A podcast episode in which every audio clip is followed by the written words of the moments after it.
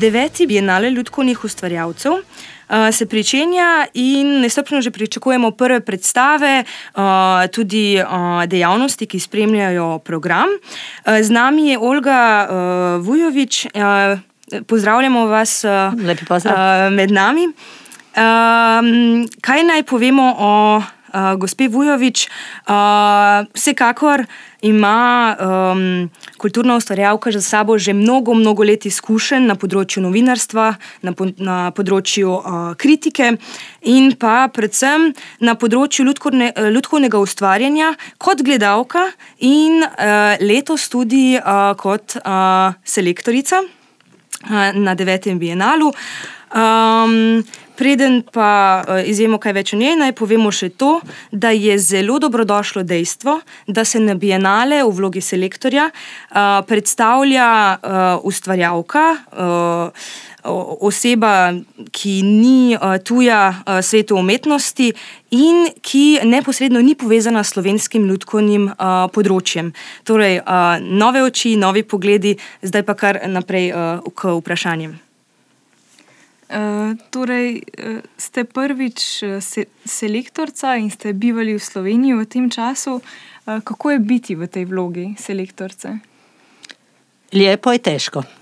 Lepo zato, ker imam prilike videti lutkovne predstave, koje inače ne bih vidjela. Imam prilike vidjeti najrazličitije predstave, a teško zato, jer teško je reći neposredno ja ne kažem, nego kad odaberem, teško je nekome reći ne. A on je uložio puno vremena, puno truda, sve ono najbolje što zna i na kraju krajeva i nešto novaca. I onda je, vidi se razlika između onih kazališta, poput Mariborskog i Ljubljanskog, koji očito imaju veće financijske mogućnosti nego nezavisne skupine. I jako sam, jako sretna što sam uspjela uz tri ljubljanske i tri mariborske odabrati i tri predstave vezane uz nezavisne skupine, a govorim sada o tekmovalnom programu. Um, torej, uh, na, uh, pogledali ste si 53 predstav. Eh, omenili ste že, da ste večino predstav gledali v Ljubljani, v Mariboru. Zanima nas pa, kje druge ste še bili, um, kje, uh, v katere kraje, slovenske kraje, vas je vaša vloga selektorice vodila in predvsem pred ogledom vsake predstave, um, kateri so bili kriteriji uh, za vaš izbor, potem prihodnji, seveda. Kao što znate, javni prijevoz između e, Hrvatske i Slovenije više nije tako dobar kao što je nekad bilo i naravno puno mi je lakše bilo doći do Maribora i do Ljubljane nego recimo u Ptuj, u Velenje. Bila sam i u, zaboravila sam ime jednom e, emigrantskom kampu gdje su davali predstavu. Zahvaljujući dobroj organizaciji i u Lutkovnom gledališću Ljubljana i u Lutkovnom gledališću Maribor. Ja sam došla i u neke krajeve u kojima možda ne bi bila. Tako sam bila recimo u Novoj Gorici gledati Petara Kuštara. Pa sam bila u Gorici isto tako sa mini teatrom. Dakle, e, oni koji su mogli mi pomoći u prijevozu, u organizaciji, to su radili ne možda s velikim veseljem, ali vrlo uspješno i zahvaljujući njima su mnoge stvari bile puno lakše. Recimo nije bilo problem doći do Krškog, ali je bilo problem otići iz Krškog, jer tek na večer imamo prijevoz.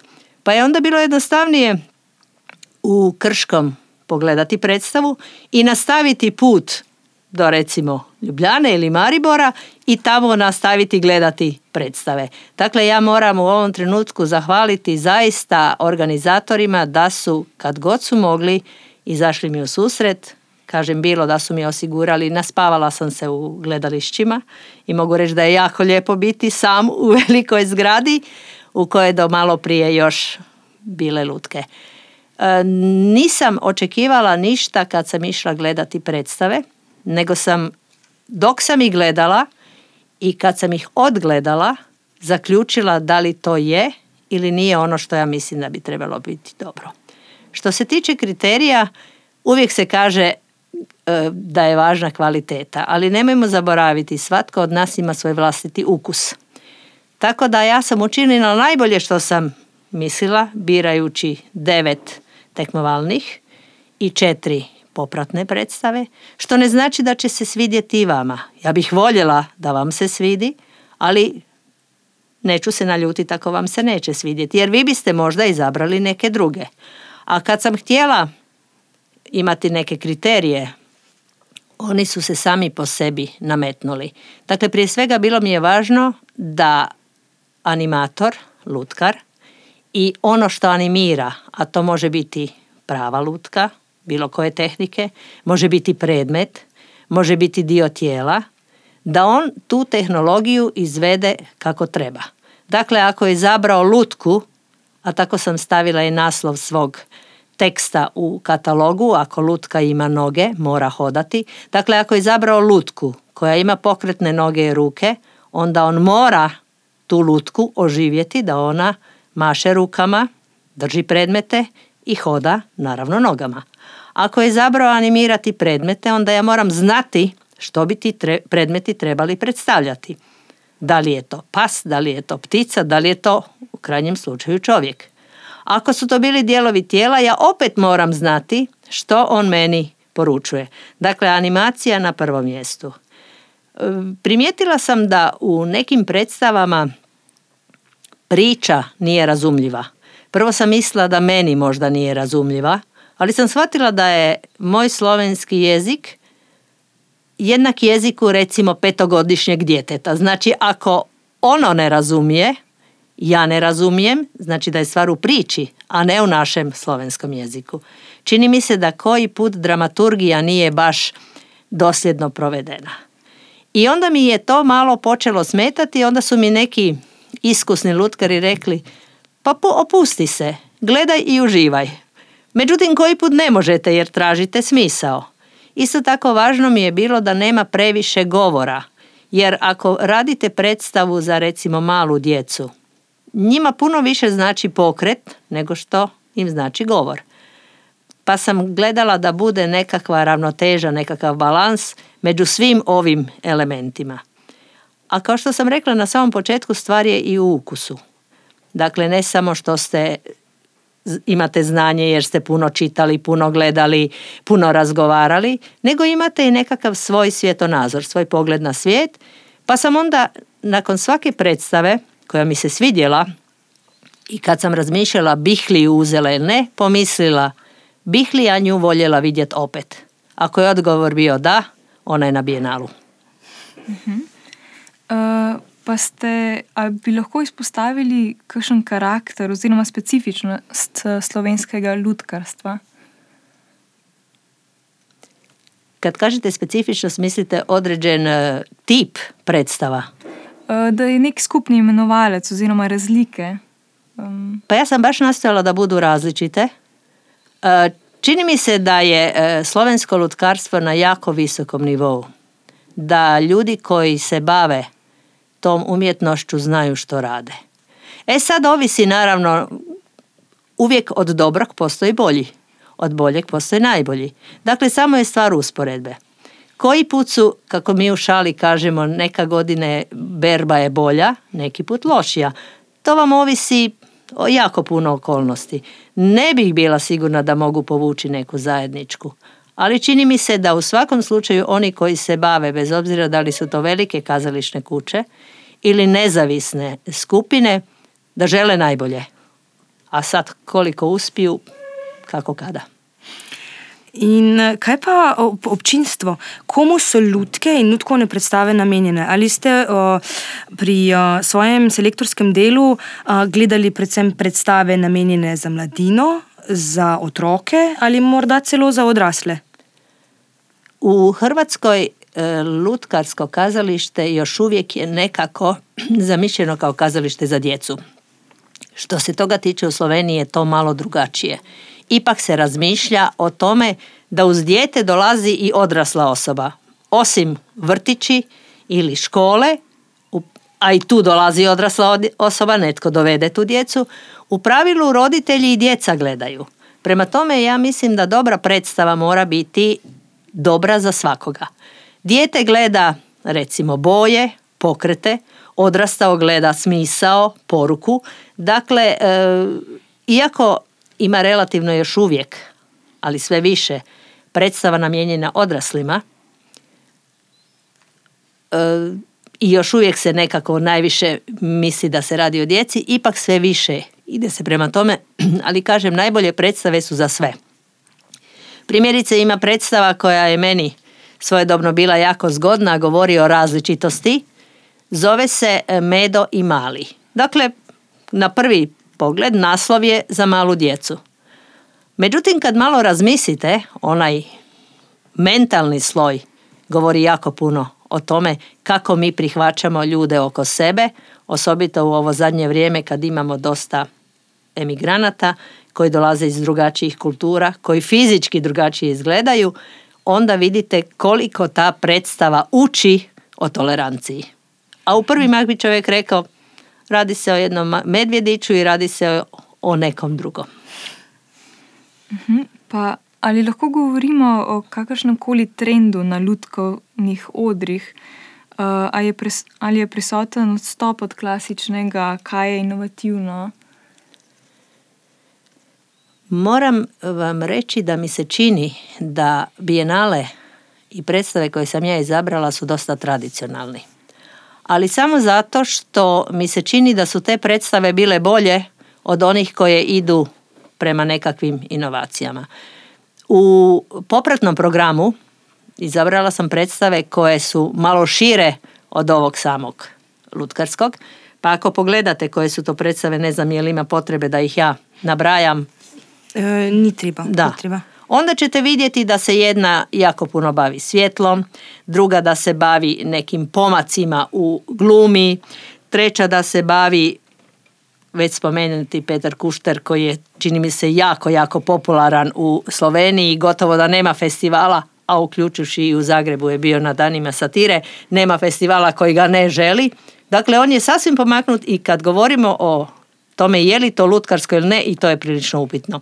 Ali je predstava koja se poigrava elementima lutkarstva. E, postoje teoretičari koji jako zgodno govore, veli to nije možda lutkarska predstava u uskom smislu riječi, ali je lutkarski mišljena. I ta ideja da je nešto lutkarski mišljeno je možda taj pomak od tradicionalnog lutkarstva. Super. Um, ste že, da ste opazili razliko med uh, neinstitucionalnimi in institucionalnimi gledališči, um, seveda ljudkovnimi gledališči. Imeli ste tudi možnost poznati uh, ljudkovne ustvarjalce, uh, ki delujejo neodvisno ali uh, pod okriljem uh, velikih gledališč. Um, kako bi komentirali to sceno? S čim se soočajo um, institucije s čim se na drugi strani soočajo neodvisni ljudkovni ustvarjalci, in še na zadnje, ali je med vsemi temi ustvarjalci, ali ste začutili možnost sodelovanja, oziroma že sploh željo po sodelovanju. Čovjek bi onako se našalio pa zapjevao kao Lajza Mineli mani, mani, mani. Nažalost, čini mi se da temeljna razlika nije u talentu, nije u vremenu, nije u dobroj volji, nego isključivo u financijskim mogućnostima. Dakle, ako lutkar mora nositi svoj kofer, mora putovati svojim autom, mora sam postavljati scenu, jedino što mu omogućuje prostor u kojem će igrati, onda taj lutkar mora prije nego izađe na scenu, na pozornicu, prije nego se uživi u novi svijet, jako puno fizički i organizacijski raditi. A ako vi imate svoj teatar, dakle, teat, ili bolje rečeno prostor u kojem igrate, jer ne mora biti vlastiti, možete imati samostalni prostor, recimo čini mi se da je intimni oder u GT22 jedan takav primjer gdje teatri su dobro došli. I kad vi imate osjećaj sigurnosti, pa makar i ovako minimalan, kao što je jedan siguran prostor, onda vi puno lakše svoju darovitost pretvarate u predstavu jer se niste opterećeni organizacijom. Niste opterećeni hoće li, neće li i tako dalje. A imam dojam, upoznala sam naravno jako puno ljudi, da bi da su dobronamjerni i da bi voljeli, na koncu imamo koprodukcija dosta, da bi voljeli surađivati. Jer to bi bilo na dobrobit svih. Lutkarima bi bilo lakše, a nama publici bilo bi ljepše. Um, pa še pred samim zaključkom, še eno vprašanje, glede na to, da imamo to srečo, da vas imamo tukaj, kot e, bomo rekli, mednarodno oko, Bienala. Uh, imeli ste tudi izkušnje um, videti predstave, ki druge, tudi uh, izven Hrvaške, izven Slovenije. Kako bi primerjali slovensko ljudsko sceno uh, z ostalimi državami?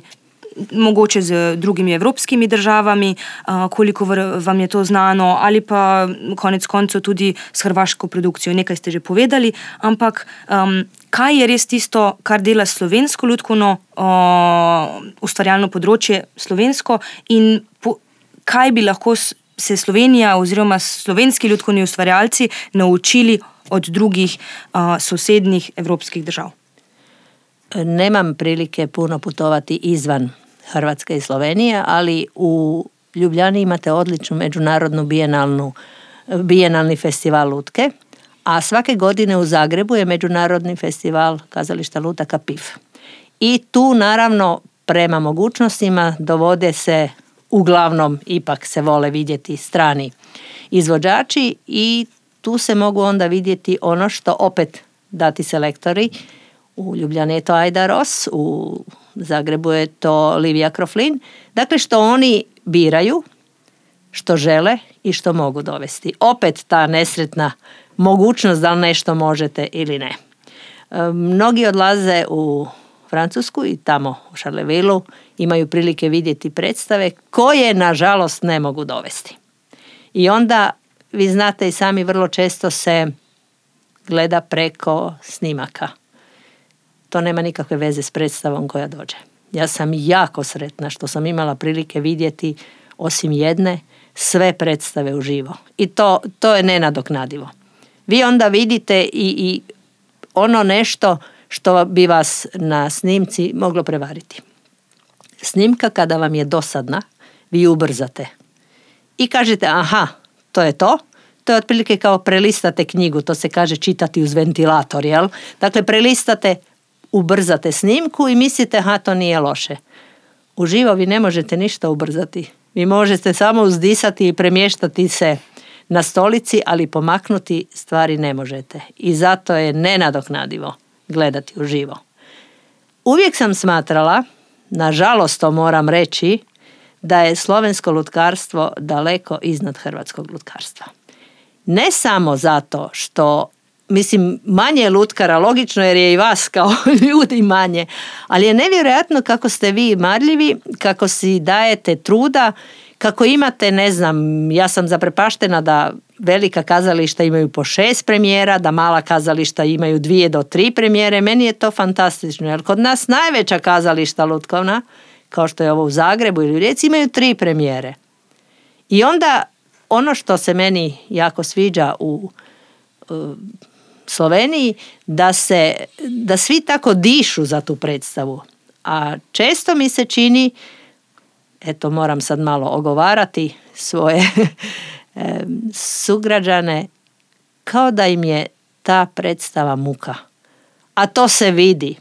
Mi ja točno vidim kad netko uživa, odnosno je uživao dok je radio i uživa dok igra i onoga komu je to tlaka, kako bismo rekli teško je reći šta se može preuzeti ili ne preuzeti. Ja mislim da samo rad, dobra volja, talent, malo, malo više novaca i da se e, slovensko lutkarstvo ne mora bojati nikakve konkurencije. Bar su meni, da se razumijemo, gledala sam 53 predstave i mogli bismo reći da je 14 predstava malo. To je relativno dalje malo. Recimo da je da festival traje, odnosno bijenale traje dulje, ja bih uzela možda još po neku, ali u popratni program. Nijednu više ne bih stavila u takmičarski. E pa sad, da li je devet predstava od 50 malo ili puno, to je jako teško reći. Koji put nemate ni jednu. E, torej, zaključili ste že usmerjeni v neko prihodnost, e, pa morda Imate kakšne napotke za prihodnost, za ljudske ustvarjalce? Ja sam teoretičar. Nitko im ne može ništa reći ako oni to ne osjećaju. Znate kako je rekao Gete? Siva je teorija sva, a zelen i zlatan dub života jest. Dakle, samo praksa. Mi imamo e, jednu šaljivu rečenicu, ali vjerujem da ju imate i vi. Praksa radi majstora. Ništa ja njima nemam reći. Res je, vaja dela mojstra uh, in uh, najlepša hvala, gospa Olga Vojovič. Uh, in uh, mislim, da je čas, da se gremo mojstrit uh, med oglede uh, predstav. Uh, upam, da uh, boste uživali ob ponovnem ogledu izbranih predstav, ob druženju z ljudkovnimi ustvarjalci in z vsem ostalim občinstvom. Predvsem pa hvala za vaš obisk, za vse vaše trdo delo in pa vse dobro uh, za prihodnost. Ja se nadam da ćete me i nakon ovog bijenala voljeti pozdraviti na ulici. Hvala.